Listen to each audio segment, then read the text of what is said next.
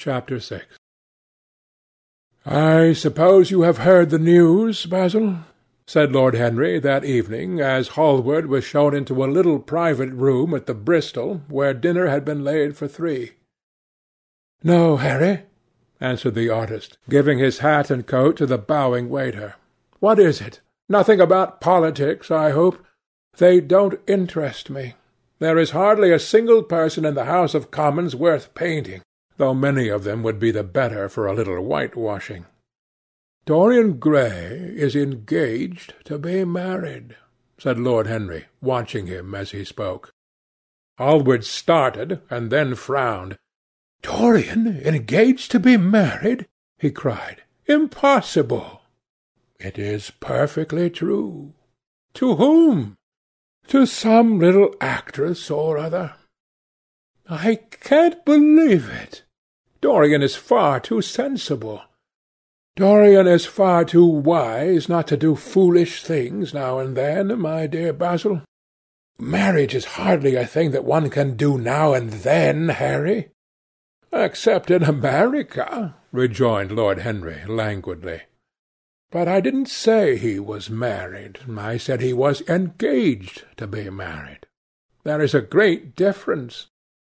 I have a distinct remembrance of being married, but I have no recollection at all of being engaged. I am inclined to think that I never was engaged. But think of Dorian's birth and, and position and, and wealth. It would be absurd for him to marry so much beneath him. If you want to make him marry this girl, tell him that, Basil. He is sure to do it then. Whenever a man does a thoroughly stupid thing, it is always from the noblest motives. I hope the girl is good, Harry. I don't want to see Dorian tied to some vile creature who might degrade his nature and ruin his intellect. Oh, she is better than good. She is beautiful, murmured Lord Henry, sipping a glass of vermouth and orange bitters. Dorian says she is beautiful and he is not often wrong about things of that kind. Your portrait of him has quickened his appreciation of the personal appearance of other people. It has had that excellent effect, amongst others. We are to see her to-night, if that boy doesn't forget his appointment. Are you serious? Quite serious, Basil. I should be miserable if I thought I should ever be more serious than I am at the present moment. "But do you approve of it, Harry?" asked the painter, walking up and down the room and biting his lip. "You can't approve of it, possibly. It is some silly infatuation." "I never approve or disapprove of anything now. It is an absurd attitude to take towards life. We are not sent into the world to air our moral prejudices. I never take any notice of what common people say, and I never interfere with what charming people do. If a personality fascinates me, whatever mode of expression that personality selects is absolutely delightful to me. Dorian Gray falls in love with a beautiful girl who acts Juliet and proposes to marry her. Why not? If he wedded Messalina, he would be none the less interesting. You know I am not a champion of marriage. The real drawback to marriage is that it makes one unselfish, and unselfish people are colourless. They lack individuality. Still, there are certain temperaments that marriage makes more complex. They retain their egotism and add it to many other egos. They are forced to have more than one life. They become more highly organized, and to be highly organized is, I should fancy, the object of man's existence. Besides, every experience is of value, and whatever one may say against marriage, it is certainly an experience. I hope that Dorian Gray will make this girl his wife, passionately adore her for six months, and then suddenly become fascinated by some one else. He would be a wonderful study. You don't mean a single word of all that, Harry. You know you don't. If Dorian Gray's life were spoiled, no one would be sorrier than yourself. You are much better than you pretend to be. Lord Henry laughed.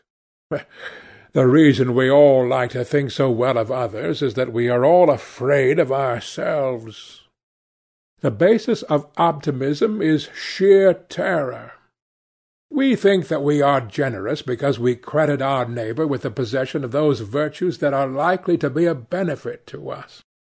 We praise the banker that we may overdraw our accounts, and we find good qualities in the highwayman in the hope that he may spare our pockets.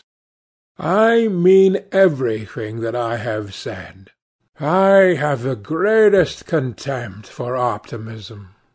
As for a spoiled life, no life is spoiled but one whose growth is arrested. If you want to mar a nature, you have merely to reform it.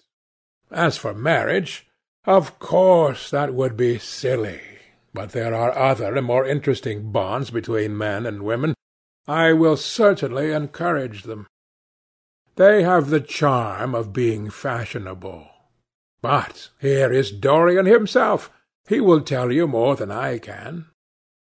My dear Harry, my dear Basil, you must both congratulate me, said the lad, throwing off his evening cape with its satin-lined wings, and shaking each of his friends by the hand in turn.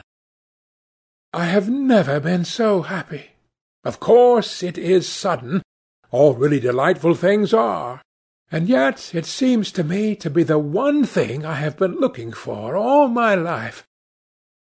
He was flushed with excitement and pleasure, and looked extraordinarily handsome. I hope you will always be very happy, Dorian, said Hallward, but I don't quite forgive you for not having let me know of your engagement. You let Harry know, and I don't forgive you for being late to dinner, broke in Lord Henry, putting his hand on the lad's shoulder and smiling as he spoke. Come, let us sit down and try what the new chef here is like, and then you will tell us how it all came about. There is really not much to tell, cried Dorian as they took their seats at the small round table. What happened was simply this. After I left you yesterday evening, Harry, I dressed, had some dinner at that little Italian restaurant in Rupert Street you introduced me to, and went down at eight o'clock to the theatre. Sibyl was playing Rosalind. Of course, the scenery was dreadful and the Orlando absurd, but Sibyl! Oh, you should have seen her. When she came on in her boy's clothes, she was perfectly wonderful. She wore a moss-coloured velvet jerkin with cinnamon sleeves, slim, brown, cross-gartered hose, a dainty little green cap with a hawk's feather caught in a jewel, and a hooded cloak lined with dull red. She had never seemed to me more exquisite. She had all the delicate grace of the Tanagra figurine that you have in your studio, Basil. Her hair clustered round her face like dark leaves round a pale rose. As for her acting, well, you shall see her to-night. She is simply a born artist. I sat in the dingy box absolutely enthralled. I forgot that I was in London and in the nineteenth century. I was away with my love in a forest that no man had ever seen. After the performance was over, I went behind and spoke to her.